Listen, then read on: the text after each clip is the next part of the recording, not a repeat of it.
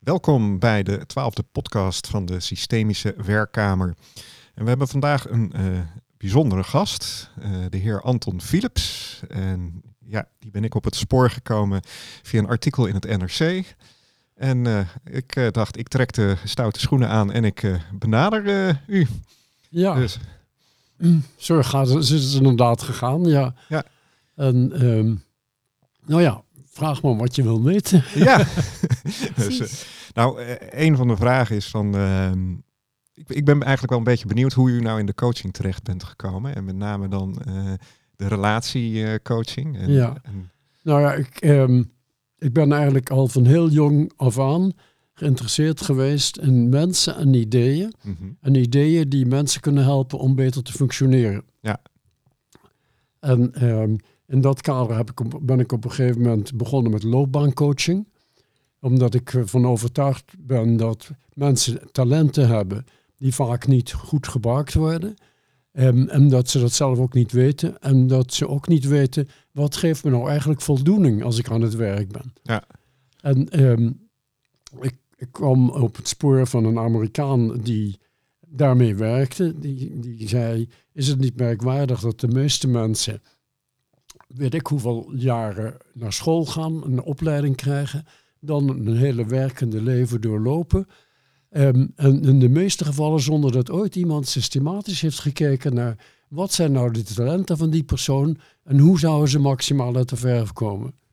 En toen ik eh, dat las, toen dacht ik, nou als iemand weet hoe dat moet, dan wil ik het ook weten. Ja. En ik moest voor mijn werk af en toe naar Amerika. Ik heb eerst een boek besteld van die man. En toen dacht ik, nou, hier wil ik wel mee aan het werk. Toen heb ik hem opgezocht. En ehm, dat tegen hem gezegd. Toen zei hij, moeten we eerst kijken of dat past bij jouw talent en jouw motivatie. dat is een mooi, antwoord. Ja. Ja. En zijn systeem was heel eenvoudig. Als je wil weten wat je in de toekomst met plezier gaat doen, moet je kijken naar wat je in het verleden met plezier hebt gedaan. Ja. En dat en sluit weer heel erg aan bij de kerntalentenmethode. Ja, moest ik ook aan Kent u dat? Wat? De kerntalentenmethode, kent u dat? Dat, dat? die ken ik ook, ja. ja. Dat is vanuit uh, Danielle Krekels in België. En dan ga je kijken naar de kindertijd tussen de vier jaar en de twaalf jaar. Mm uh, hoe heb je gespeeld tussen de vier jaar en ja, eigenlijk het moment dat de puberteit start? Ja. Dus echt die leeftijd tussen vier en de puberteit. Um, en, en wat deed je nou met heel veel plezier? En voor de een is dat voetbal, voor de ander is dat schaatsen, voor wie iemand anders is het met Lego spelen. En dus op die manier wordt er eigenlijk gekeken naar die kindertijd. En dat vertaalt zich in 23 kerntalenten die je klein, half of sterk kunt hebben op volwassen leeftijd. Mm -hmm. Maar daar moet ik meteen aan denken. Ja, ja, ja. Want u dat vertelt dat, over. Dat, nou, ik vraag mensen, maak een lange lijst. En niet alleen van je kindertijd, maar van vanaf je kindertijd tot nu. Ja. En probeer uit iedere leeftijdsperiode een aantal dingen te, uh, te herinneren die je met plezier hebt gedaan. Ja. En uh, daar, uh, daar doe ik dan een interview over met mensen. Ja. ongeveer anderhalf uur vraag ik er meer informatie over. Dan analyseer ik het samen van welke onderwerpen ben je nou bezig geweest. Welke vaardigheden heb je daarbij gebruikt? Um, welke omstandigheden speelden daar een rol? Ja. Um, welke relatie had je tot andere mensen waar je mee werkte. Dus aan de, uh, gewoon horizontaal of mensen aan wie je leiding gaf, maar ook de mensen van wie je leiding kreeg. Ja. En tenslotte, wat gaf je nou voldoening in, um, in wat je gedaan hebt? Ja, mooi. Ja. En, en, daar kan je dan, een, vooral bij die voldoening krijg je daar een, een rode draad in. Um, en, en, de man die dit heeft ontwikkeld, heeft iets van 25 drijfveren geanalyseerd. Ja. En hmm. dat je dan inderdaad op één van die drijfveren of een combinatie van twee terechtkomt. En ehm, dan weet je dat als je met plezier wil werken in de toekomst, dan moet je in ieder geval zorgen dat je werk doet waar die drijfveer bevredigd wordt. Ja, ja. Ja, en wie, wie is uw um, voorbeeld eigenlijk hierin? Is dat meneer Miller? Ja, Arthur Miller heet hij. Ja. En hij, uh, hij is niet de toneelschrijver Arthur Miller, maar hij, hij, hij, was... Hij had rechten gestudeerd. Oh, kijk eens aan, nou, oh, maar. ja, en, uh, hij, maar hij was in personeelwerk terechtgekomen. En hij, uh, hij zag dat een heleboel mensen vastliepen ja. in de functies die ze hadden. En toen is hij daarmee aan het werk gegaan. En um, ja, en heeft dus een, eigenlijk in het begin hoofdzakelijk een loopbaancoaching en outplacementbureau opgezet. Ja. En daarna veel meer ook terechtgekomen in uh, hoe help je uh, bedrijven om de mensen op de juiste plaats te krijgen. Ja, ja. Nou ja, want ik denk inderdaad ook het belang van die coaching is uh, ja, als mensen vol energie en plezier aan het werk gaan, zijn ze een stuk productiever dan, dan dat. ja, dat, zeker. het is een win-win situatie. Ja. Ja. En ik heb dus dat, dat ja, daar heb ik dus jaren mee gewerkt. Ja. Um, en op een gegeven moment dacht ik, ja, als het normaal moet worden in Nederland, dat mensen werk doen waar ze plezier in hebben Ja. en um, waar ze echt voldoening uit krijgen, dan moet je eigenlijk met de jeugd beginnen. Ja. En toen hebben we een programma ontwikkeld om dat klassikaal op scholen te doen. Ja. En uh, op een gegeven moment werd mijn werk daarbij uh, veel meer op afstand van, van de mensen. Mhm. En wel met, um, uh, hoe zeg je dat, um, meer organisatorisch. En dat heb ik op een gegeven moment over kunnen dragen aan de vrouw met wie ik dat samen ontwikkeld had. Ja. En um, toen dacht ik, ja, wat, wat kan ik nu weer gaan doen om weer rechtstreeks met mensen bezig te zijn? En toen herinnerde ik me dat ik met mijn tweede echtgenote een, een, een workshop had gevolgd. Um, um, over, over die imago-coaching. Um, en dat ik daar veel aan had gehad. En een nichtje van mij ging trouwen in Amerika. En toen dacht ik, wat kan ik haar nou geven? Toen dacht ik, nou, het boek dat hierover gaat, Ja. dat heeft ze nu niet nodig, maar misschien over een jaar of twee jaar of drie jaar Ja, wel. ja. En toen ontdekte ik dat er een opleiding was om imago coach te worden in Nederland. En dat was nu uh, drie of vier jaar geleden. En toen dacht ik, nou, dat ga ik doen. Dus dat heb ik gedaan. Want die imago-coaching, dat, is, dat zit op die relatie. eh, Dat zit op die relatie, ja. Ja, hè? En de, de, ja, de idee van um, de, de tool eigenlijk Mhm. waar imago coaching mee werkt, is dat um, je moet goed leren communiceren. Oké, ja. En um, als je echt goed naar elkaar kan luisteren, dan um, kan je de, de, problemen kan je gaan oplossen. En ik gebruik vaak het voorbeeld van um, op het moment dat er een irritatie is in een relatie, ja. dan zit je eigenlijk allebei op je eigen eilandje met je eigen overtuigingen en je irritaties en dergelijke. Maar er is wel een bruggetje naar het andere eiland. Ja. En als je degene die zegt, nou ik wil hier graag over spreken, ben je bereid om te komen luisteren? Dan kan de ander over dat bruggetje heen komen ja. en zeggen, goed, hier ben ik. En dan zegt, dan zegt hij, wat is er aan de hand? En dan zegt de ander, nou, waar ik een probleem mee heb, is als ik thuis goed aan het snijden ben, dan zeg je tegen mij, je, moet, je hebt het verkeerde mes. Ja. En, um, um, dan moet de ander herhalen wat hij gehoord heeft. Ja. En dan zegt hij, is er nog meer? En dan, uh, enfin, dan, dan kom je erachter wat, uh, wat zijn de, de, de pijnpunten die je hebt eventueel overgehouden uit je kindertijd. Waardoor je zo boos reageert als je partner tegen je zegt, je hebt het verkeerde mes. Ja, ja. Precies. En op die manier kun je bij elkaar begrip kweken. Voor, op die manier kan je bij pijn. elkaar begrip ja. breken en je, je, je leert op een veilige manier met elkaar te praten ja. zonder dat je ruzie krijgt. Ja. Ik had een ander echtpaar um, die um, zei nou we zijn al 25 jaar bij elkaar, we hebben een zoon van 17, maar af en toe maken we verschrikkelijke ruzie. Ja. En um, het bleek dat ze vaak ruzie maakten over hoe ze hun zoon moesten opvoeden. Oké. Okay. En meteen eigenlijk al na de eerste sessie die ik met ze had, toen ze terugkwamen de tweede keer, vertelden ze nou, we hadden een conflict over wat we nu tegen onze zoon moesten zeggen. Ja. En toen herinnerden we ons dat we op deze manier met elkaar konden praten. En terwijl onze zoon op de bank zat, zijn we op die manier met elkaar gaan praten. En we hebben het probleem opgelost. Ja, ah, mooi is super mooi. Ja. Dus dat is, dat is het leuke dat als je mensen kan le leren om op die manier te communiceren, dat ze dan heel snel al leren om op een andere manier met hun pijnpunten om te gaan. Ja. ja, en het mooie is denk ik ook wel dat je ziet dat de ene partner de pijnpunten van de andere ziet en dus kan denken als, ja, als hij, of zij, hij of zij uh, per ongeluk, zal ik maar even zeggen, iets zegt, dat hij dan ook denkt, oh ja, daarmee wordt dus een reactie bij de ander getriggerd. Die ziet niet op, die, op mij, Maar dat, is, dat hoort echt bij die ander.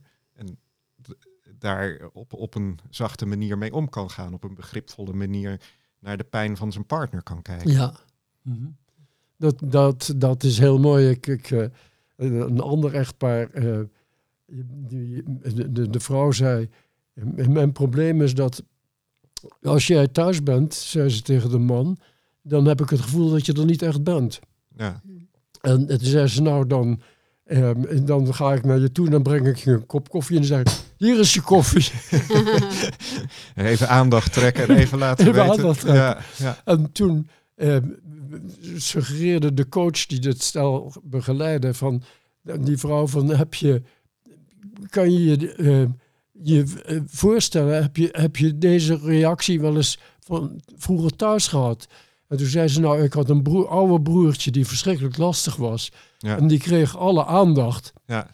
En dan, dan ging ik maar allerlei werk doen in het huishouden om aandacht te krijgen, om aan mijn ouders te laten zien, ik ben er ook. Ja, ja. ja, ja en dat zet zich dan door in, in uh, de volwassen relatie. Ja. Uh, dat uh, richting een man. ja. ja, die patronen die neem je automatisch mee. Ja, dat is, dat is ja, zo zie je maar dat je je jeugd ook meeneemt in, Precies, in ja. volwassen relatie. En dat is het werk waar jullie mee bezig zijn met ja.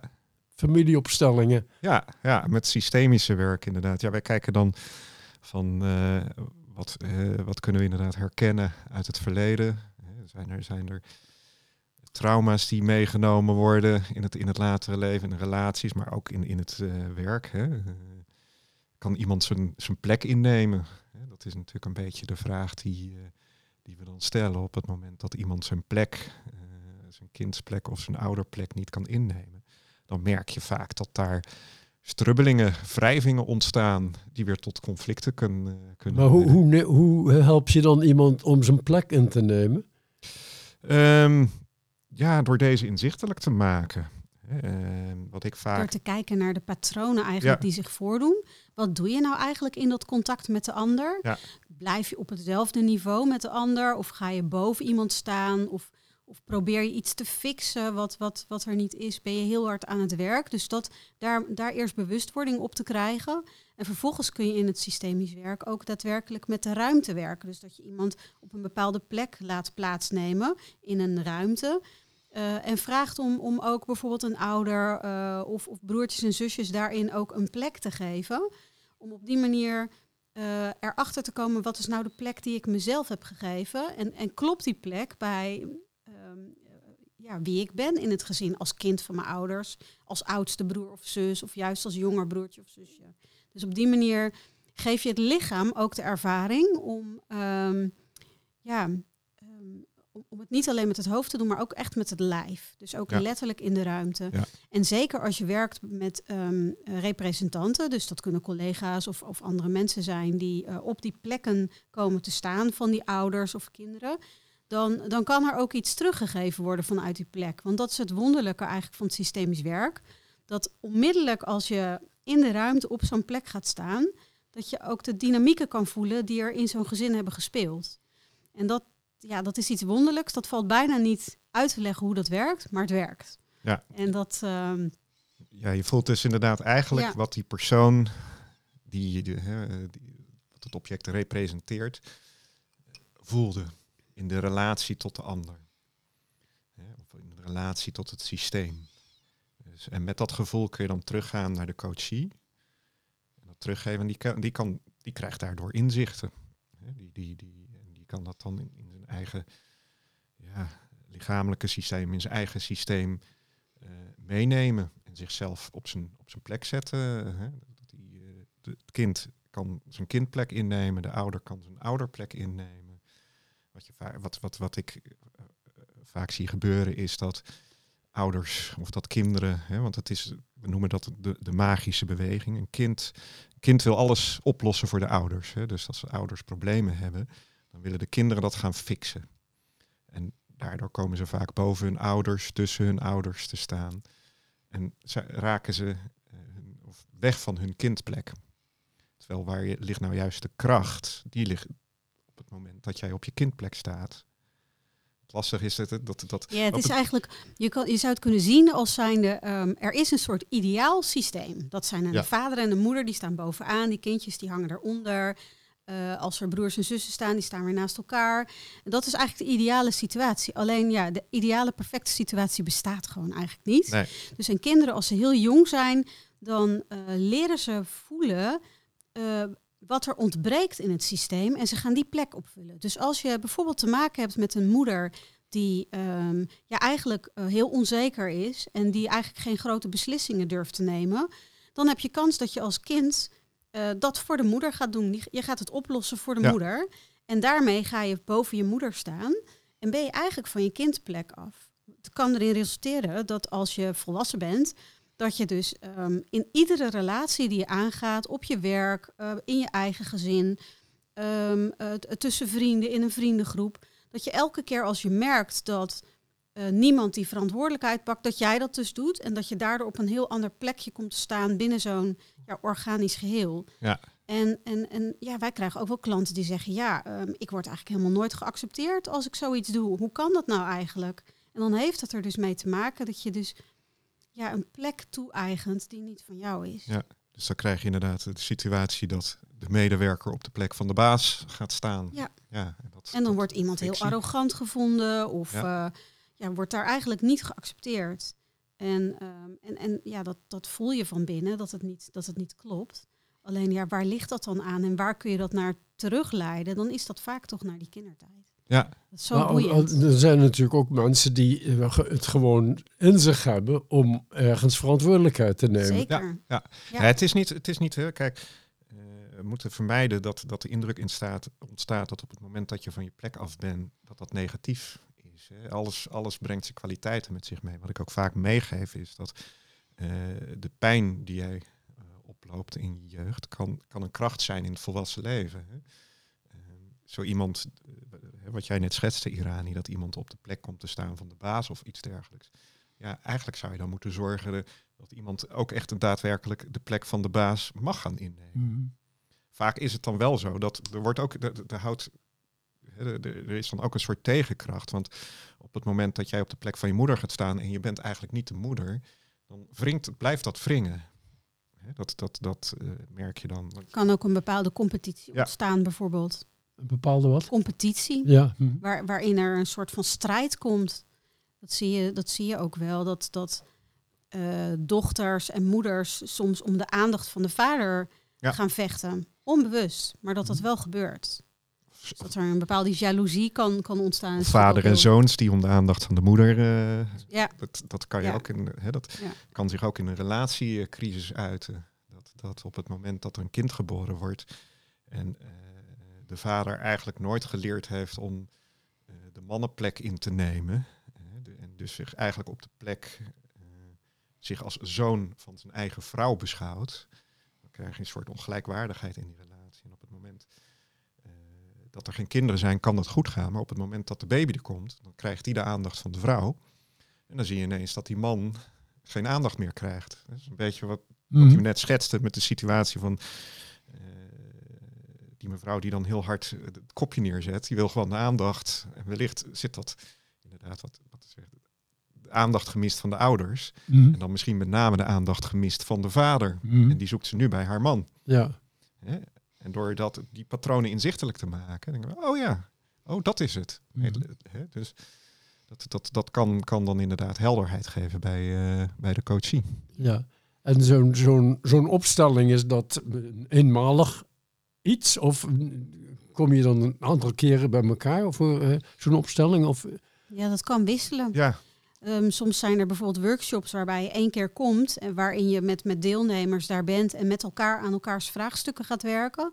En um, wij doen heel veel trajecten binnen zin zijn, uh, waardoor we ja, dus een langere periode met elkaar aan de slag gaan. En dat is dan op het gebied van loopbaancoaching, maar ook wel vaak op het gebied van dat stukje, ja, het therapeutische stuk eh, van, ja. van hoe, hoe, hoe, hoe, belichaam je jezelf en op welke plek sta je dan en wat kom je tegen in de, in de communicatie met andere mensen, in de ontmoeting met andere mensen. Ja. En het andere, wat ik nog heel even waar ik op terug wilde grijpen, is op dat leiderschap. Want u stelde eigenlijk zo'n vraag over, ja, er zijn ook mensen die zijn geboren leiders. Mhm. dit, dit staat eigenlijk los van het natuurlijk leiderschap. Want het natuurlijk leiderschap, de beste leiders, dat zijn vaak mensen die heel belichaamd zijn. Dus die hebben zeg maar uh, hoofd, uh, hart, buik, ziel, uh, allemaal op één lijn op een bepaalde manier. Waardoor ze ja, ook geaccepteerd worden als iemand die um, ja, die een leiderschapsrol op zich pakt. Dus dat kan je hier eigenlijk wel, wel ook los van zien. Dat staat hier eigenlijk wel. Ja, dat is inderdaad het grappige, hè, wat je zegt, de belichaming. Als ik kijk hoe ben ik een beetje ook in het werk gerold, is dat ik verwonderde mij over het feit dat ik klanten had in mijn advocatenpraktijk die dan kwamen met, ja, hier wil je even een overeenkomst beoordelen of opstellen. En dan deed je dat en dan hoorde je in tijd niks van. En ik had klanten die van conflict naar conflict hobbelde. En als ik kijk naar het verschil tussen die beide, is dat de klanten die um, hoe heet het, alleen maar eh, komen met die, met die overeenkomst van check die even. Of um, die zijn heel stabiel, die zijn heel belichaamd, hè, die is helder. En uh, hebben zichzelf vaak volledig geaccepteerd, ook met, met hun eigen gebreken. En dat mag er allemaal zijn. En de klanten die van conflict naar conflict hobbelen, die, die, ja, die zijn op een bepaalde manier aan het lijden of aan het worstelen ook met, met, uh, met, hun, met hun systeem waar ze vandaan komen. Daar, daar zit nog heel veel ruis op, om het zo eens te zeggen, wat je door bijvoorbeeld die opstellingen kunt oplossen. Dat, dat is, en um, dat leiderschap door die belichaming, dat zie je vaak bij uh, de mensen die hun hoofd boven het maaiveld uitsteken. Die kunnen inderdaad zeggen van ik doe mijn eigen ding, ik ga mijn eigen weg. Hè, het maakt niet uit wat, wat, wat, wat uh, de goede gemeente of de maatschappij ervan denkt. En dat zijn ook de mensen die, als het ware, een aanzuigende werking hebben. Bij wie het eigenlijk allemaal vanzelf lijkt te gaan. En als ik naar mezelf kijk, naar mijn eigen worstelingen die ik meegemaakt heb, door die opstellingen die ik in mijn opleidingen heb gedaan, lijkt elke keer weer een jasje geweest te zijn wat, wat uitgegaan is, waardoor ik makkelijker door het leven ga. En waardoor ik ook mijn hoofd boven het maaiveld kan uitsteken. En, en, en dergelijke. Jullie hebben een paar keer dat belichaamd uh, gebruikt. Leg dat eens wat verder uit. Ja, dat gaat over het incarneren, in het lijf komen. Ja. Als we kijken naar hoe we in het Westen omgaan met uh, kennis, met uh, wie zijn we nou eigenlijk, hebben we op een bepaalde manier de ratio heel erg bovenaan geplaatst. Dus dat is het cognitieve denken is, is zo belangrijk geworden dat we ja, eigenlijk elkaar soms wel eens kunnen zien dat we alleen een soort van hoofd zijn en de rest bungelt er een beetje achteraan dat beeld. Dus het belichamen en het incarneren is ook daadwerkelijk in het lichaam komen, zodat we ook gewoon een compleet mens kunnen zijn. Daar zit een bepaalde vorm van heelheid in. Um, Bijvoorbeeld als we hier, hier aan het praten zijn, dat terwijl we praten, voelt dat je op de stoel zit. En dat je dus echt in de ruimte aanwezig bent. Dat, dat, dat de verbinding tussen elkaar, je bewust bent van wat er achter je staat, wat er op tafel staat. En ondertussen voelt wat, wat, wat er gezegd moet gaan worden. Voor mij heeft het ook heel veel te maken eigenlijk met verbondenheid met een groter geheel. Ja. Dus het bewustzijn dat um, hè, ik ben wel Irani en ik, ik ben wel ik. Uh, maar ik ben niks zonder het grote geheel achter me, voor me, naast me. Uh, dus het heeft ook iets te maken met bezieling. En, en voelen dat, um, uh, dat, dat het niet alleen maar om mijn ego gaat. Um, maar ook om, om iets wat veel groter is, waar, waar, ik dienend in kan zijn. En, en dat is wat ik eigenlijk met dat belichamen en incarneren bedoel. Dat, dat hoe meer ik me dat besef, hoe meer ik ook letterlijk kan landen ja. in het wezen dat ik ben. Ja, en daar komen, uh, wat mij betreft ook, komt de intrinsieke motivatie ook vandaan. Hè? Als u zegt van ja, ik, ik, ik had interesse voor de mens en uh, vroeg me af waarom zitten er nou zoveel mensen eigenlijk niet op hun plek in, in, in, in, in hun werkomgeving. Ja, dat moet ergens vandaan komen. Hè? Dat is, en uh, op het moment merkt snel genoeg of dat in lijn is met, met, je, met jezelf. Of dat inderdaad een soort. Er zit vaak een soort drang achter. Ik moet dit gaan doen. En dat, dat is dan de belichaming. Je voelt dat echt in het lichaam. In ieder geval, uh, toen ik met deze podcast startte, dacht ik echt van ja, oh, er, er is een ruimte die wellicht opgevuld moet worden hiermee. En dit is een mooi, mooi instrument. dit moeten mensen, meer mensen moeten hier kennis mee maken. Ook in de advocatuur, waar je kijkt waar vooral heel rationeel gedacht wordt. Hè? Als, we, als iets kijken, wij, uh, wij leven van de regeltjes. En de regeltjes die, die uh, komen oorspronkelijk wel uit het lichaam. Hè? Rechtsgevoel, dat zit echt in het lichaam. Maar inmiddels zijn we, hebben we zoveel regeltjes waar iedereen zich afvraagt van ja, wat is de zin hiervan? Mm. Mm. Ja, en op het moment dat die vraag gesteld wordt, kun je zeggen, ja, maar als er regels geen zin meer hebben, of we voelen het niet meer, ja, dan ben je je belichaming van je regeltjes kwijt. Dat noemen we dan in, in het rechtsgebied legaliteit en legitimiteit. legitimiteit is het rechtsgevoel. En legaliteit, ja, dat zijn de regeltjes.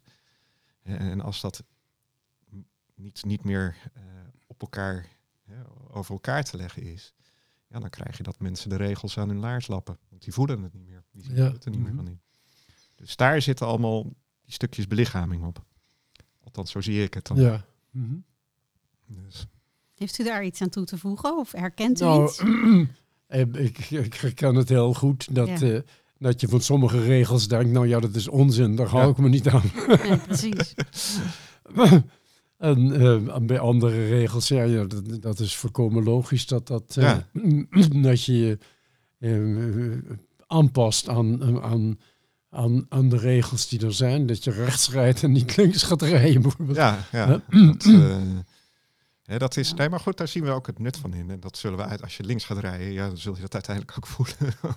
dan voel je de ja. Boom is ho. dat, Als je het dan over consequenties van handelen hebt, dan... ja. Ja. ja. maar dat is er ook nog zo een, hè? Consequenties van handelen. Ja, ik heb het er graag over. Die moet je ook belichamen. Heel veel mensen die gaan dingen doen. sterker nog, je kan alleen maar handelen op dat stuk. Je kan alleen maar echt handelen als je belichaamd bent. Anders is het niet zeggend. Als je belichaamd bent. Mhm.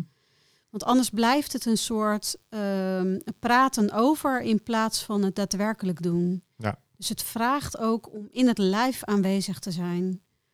En dat zorgt ervoor dat je consequenties van handelen kunt nemen. Dus dat je daadwerkelijk iets kan doen wat betekenisvol is. Ja. En dat voelen mensen. Mensen voelen direct of je belichaamd bent of niet. Hm. Dus of je echt bent of niet. Ja. Zo zie ik het maar. Uh, ja, het is, dit heeft, ja, met het echt zijn heeft het te maken. Dus ja. authentiek zijn. Ja. ja. ja. dat is, uh, ja, en die authenticiteit zit wat mij betreft in het lichaam. Beide. Ik denk dat het om om, om het geheel gaat. Niet alleen het lijf, maar ook echt ehm, alles wie je bent. Geïntegreerd. Ja, precies. Eh, ja.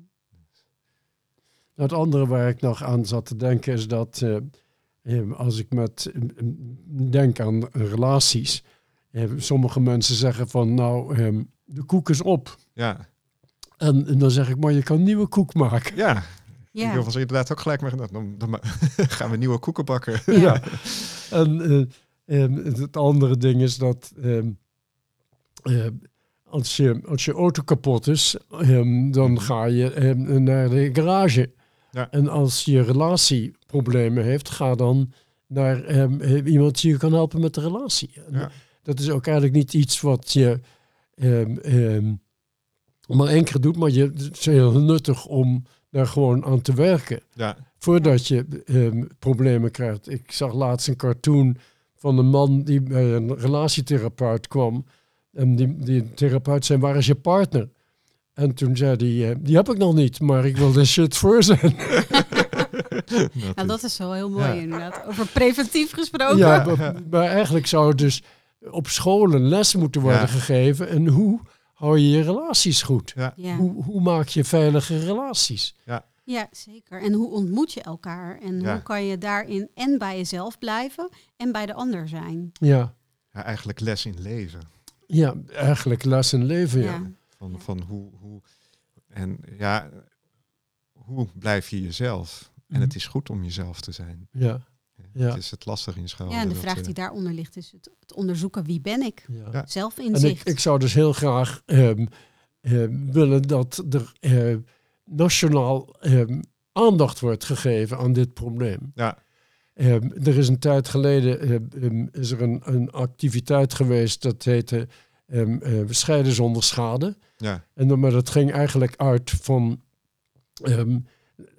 Het kwam door een motie in de Tweede Kamer. Mhm. En um, toen is die opgepakt, onder andere door het ministerie van Justitie, omdat die de schade hadden van de, van de, van de vechtscheidingen. Ja. Maar ook door sociale zaken um, en volksgezondheid.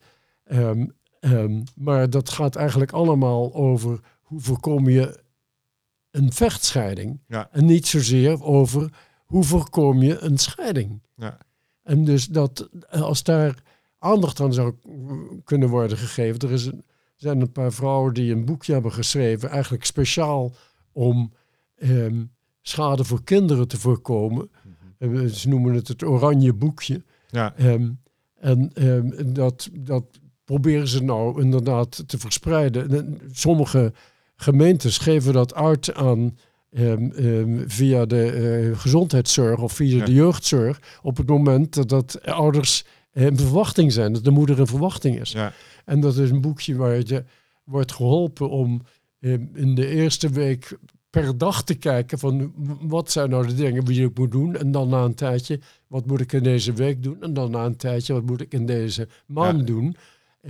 Om eventuele problemen ook tussen de echte lieden, tussen de ouders te voorkomen. Ja, ja. Dus dat is... Mooi. Ik hoorde jullie net ook nog zeggen hè, over dat ehm, eh, de, de koek is op, Ja. eh, maak nieuwe koek. Wat is uw persoonlijke visie op scheiden? Daar ben ik benieuwd naar. Nou, ik, kijk, ehm, het, het kan zijn dat je inderdaad zo uit elkaar groeit dat Ja. je niet meer verder kan. Maar dan, dan kan je op een goede manier uit elkaar gaan. ja. En mijn eerste echtgenoot en ik zijn eigenlijk op een vrij goede manier uit elkaar gegaan. Hoewel ik denk als wij toen beter hadden gecommuniceerd, was het misschien ook niet nodig geweest. Nee, nee. En het heeft voor onze kinderen heeft het, wellicht, eh, heeft het echt schade gebracht. Ja. Ehm, dus het was veel beter geweest als we bij elkaar hadden kunnen, kunnen eh, blijven. Ja. Ehm, en maar ik denk dat, dat heel vaak op het ogenblik mensen eh, het huwelijk beschouwen als een wegwerpartikel. Ja, ik, ik denk ook wel een beetje dat wat je in de huidige maatschappij ziet, is dat het leven moet maakbaar zijn. En het is natuurlijk als je met twee personen bent, kan het al gauw zijn dat de ander inderdaad niet doet wat jij wil. Ja, En Mm. ja, dan moet je een nieuwe. Zo gaat dat dan. Even gechargeerd Ja, gezegd, even, ja. even. Want ik ben met u eens, daar hebben we, hebben we het net over gehad. Van, eh, ehm, ja, kan ook helpen, of het is beter om inzicht in elkaar te krijgen hè, ja, door die ja. therapie. Maar Ja, en, Het is- en dan ook te kijken van eh, op welke manier kan je eventueel een compromis eh, sluiten. ik, ja. ik heb een, een echtpaar op het ogenblik. eh, eh, eh, de vrouw is 61, de man is 69. Hij is met pensioen. Eh, zij is behoorlijk avontuurlijk. Zij Mhm. zou het misschien best leuk vinden om ergens in Zuid-Amerika te gaan wonen. Mm. Ehm, en hij zegt, ik, vind- ik, ik heb dat helemaal niet nodig. Ik wil graag ergens zijn waar ik me op mijn Ja. gemak voel en waar ik de omgeving ken. Dus laat mij maar gewoon fietsen. Ja.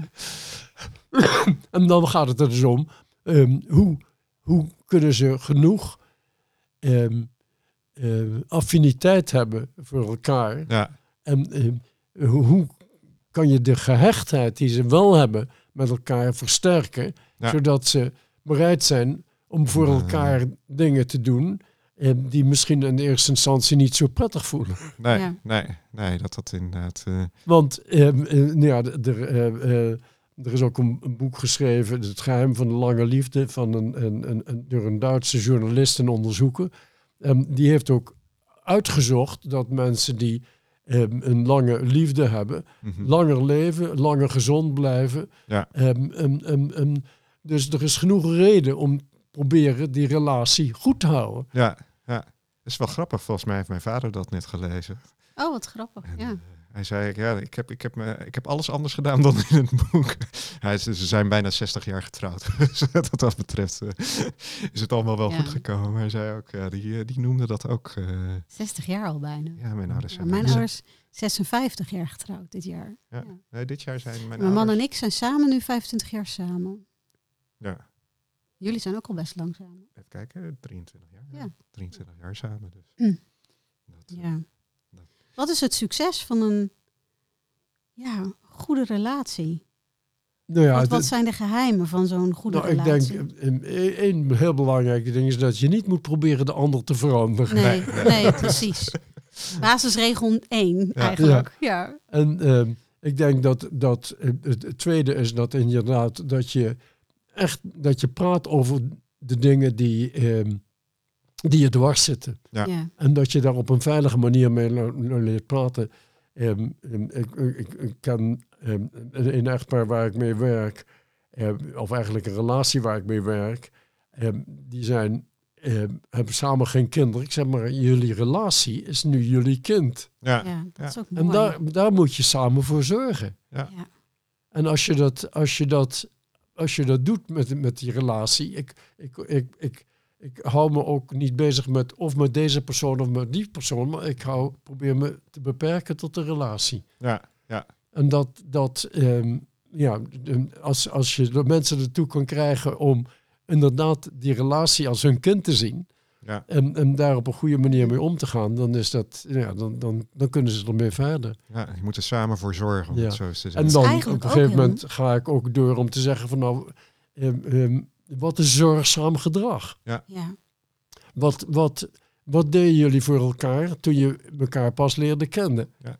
En, ehm, ehm, en wat doen jullie nu nog voor elkaar? En wat zou je graag willen dat de ander voor jou doet? Ja. ja. En kan je dat eh, gewoon per week eh, één of twee van die dingen doen? Ja. En dat brengt dan weer de, de gehechtheid Ja. die je nodig hebt om, als je op een gegeven moment ergens wrijving hebt, om, om er overheen te stappen. Ja. ja. Het is, hè, liefhebben is een werkwoord. Hè? Dus het betekent wel dat je je moet inspannen voor, Ja. eh, voor bepaalde dingen. Ik had nog even een vraagje. Wat, wat, eh, u zei net van, eh, ja, als de koek op is, jij haakt Ja. wel aan, ik had er even een ander haakje aan.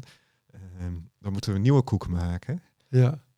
Hoe- adviseert u eh, om, om een nieuwe koek te maken? Nou, onder andere bijvoorbeeld door zorgzaam gedrag voor elkaar te doen. ja, Maar ook je, om je af te vragen, hoe kunnen we, eh, hoe kunnen we plezier maken samen? Ehm, eh, wat, wat, eh, wat, wat kunnen we doen om het weer leuk te maken? Op welke manier kunnen we elkaar verrassen? ja, Ehm, en wat daar dan weer heel interessant is, dat het, het, het heeft iemand een boek geschreven, dat heet De, Vijf Talen van Liefde. mhm. En dat is ook hier. zo mooi om van, van elkaar te weten welke taal je spreekt. welke, welke liefdestaal is voor de ander belangrijk. Ja. Ja. Dat eh, eh, al- als je eh, je liefdestaal is eh, affiniteit, gewoon elkaar vasthouden, knuffelen. Ehm, en de ander denkt dat de liefdestaal is dat je, dat je cadeautjes krijgt. Ja, dan, Ja. dan sluit dat niet echt op elkaar aan. nee, Nee. nee. Dat is, eh, En dat weten van elkaar maakt ook dat je daar dus veel bewuster mee om kan gaan. Ja. En elkaar gewoon eens vast kan pakken of eens een keer iets meenemen voor de Ja. ander. Ja. Ja. inzicht Wat in ik, wat elkaar. ik ook nog wel mooi vond, is dat u zegt, ja, die relatie als kind, zeg maar in zo'n kinderloos eh, stijl. Mhm. Ehm, maar er komt natuurlijk ook een fase als je wel kinderen hebt, dat de kinderen het huis uitgaan. En dat het natuurlijk in een relatie heel lang om de kinderen heeft gedraaid. En om dan juist ook dat stuk te pakken en te zeggen, ja, maar er is nog een, een extra kind en dat is de relatie. Om dat dus juist ook weer mee te geven aan mensen die wel kinderen hebben, die al de deur uitgaan. Ja. Ja. Dus dat is ook mooi om dat, eh, om Ja. dat van u mee te nemen. Ja. Dat is mooi gezegd. Dat, eh, ja. Ja, volgens mij heeft alles wel een beetje. Is alles wel een beetje langsgekomen. Ja, hè? Want dat Nou, wat, wat, ik, wat mij zo raakte in het artikel ehm, eh, in het NRC van u, is dat u, want daar hebben we het helemaal niet over gehad, dat u een bepaalde leeftijd heeft. U bent zelfs jarig geweest pas en heeft de taart meegenomen. Maar wat ik zo mooi vind, is dat u dus het levende voorbeeld bent van eh, iemand die zich tot op latere leeftijd ontwikkelt en zich ook niet laat tegenhouden om dan zo'n opleiding relatietherapie te gaan doen. En ja, wat is er mooier dan zo'n voorbeeld? Dat Ja. raakte me enorm. Dat ik dacht, zie je, als je zelf gelooft dat, dat er nieuwe mogelijkheden zijn, dan, dan zijn die er dus ook. Ja, dat opent zich inderdaad. Ja. ja. Ja, Ja, dat is. Nou, ehm, eh, mijn, mijn, mijn drijfveer is ideeën realiseren. Ja. Ehm, en er moet een beetje een uitdaging aan vastzitten. Want als het makkelijk is, dan eh, Ja. gaat de lol er vanaf. Ja, ja, Ja. En ehm, ja, dus zolang als ik leef en, en, en, en ehm, gezond ben, blijf ik dat doen. ja. En uh, als het op een gegeven moment uh, ja, ergens niet meer past en waar ik mee bezig ben, dan kijk ik weer naar het volgende. kennelijk naar het volgende. Ja. ja, ja. Dat is in, ik ben mooi. inderdaad 90 geworden ja. afgelopen zaterdag. Ongelooflijk. Ja. Dat is, nou, u draagt het zeer vitaal, moet ik zeggen. Dankjewel. ja. Zo zie je maar, hè? als je gewoon bezig blijven. Ja, het is heel leuk om uh, met jullie hierover te praten en uh, mijn ideeën te kunnen spuien in uh, jullie podcast. Nou ja, het is natuurlijk, kijk, zo hopen we met z'n allen toch weer een bijdrage te leveren aan een ja, mooie wereld, om het zo te zeggen. En dat op, op dit moment kan de wereld wel wat moois gebruiken. Ja, enorm. Zeker, ja. Is er misschien nog iets waarvan u zegt dat zou ik nog graag ter sprake willen brengen? Of dat mag nog genoemd worden? Of maakt niet uit wat. Um, nou, eigenlijk uh, kan ik op dit moment niks bedenken. Nee. Ik geloof dat ik had een paar dingen opgeschreven. Die heb ik eigenlijk allemaal al ja. uh, genoemd. Ja. Nou ja, ik heb inderdaad ook wel wat ik uh, vragen gevraagd, wat ik wilde zeggen gezegd. Ja. Dus ik denk dat het een mooi moment is om, uh, om af te ronden. Zeker. Dus uh, ja. in ieder geval hartelijk dank voor uw komst uh, naar, naar de podcaststudio. Om het zo... Heel graag gedaan. Ja. ja. Ja, en leuk om jullie te ontmoeten. Nou, insgelijks. wederzijds. Ja, ja. En heel veel succes met het verspreiden van het goede nieuws. Ja. Zeker. dat zullen we zeker doen. Dus, nou, bedankt voor het luisteren.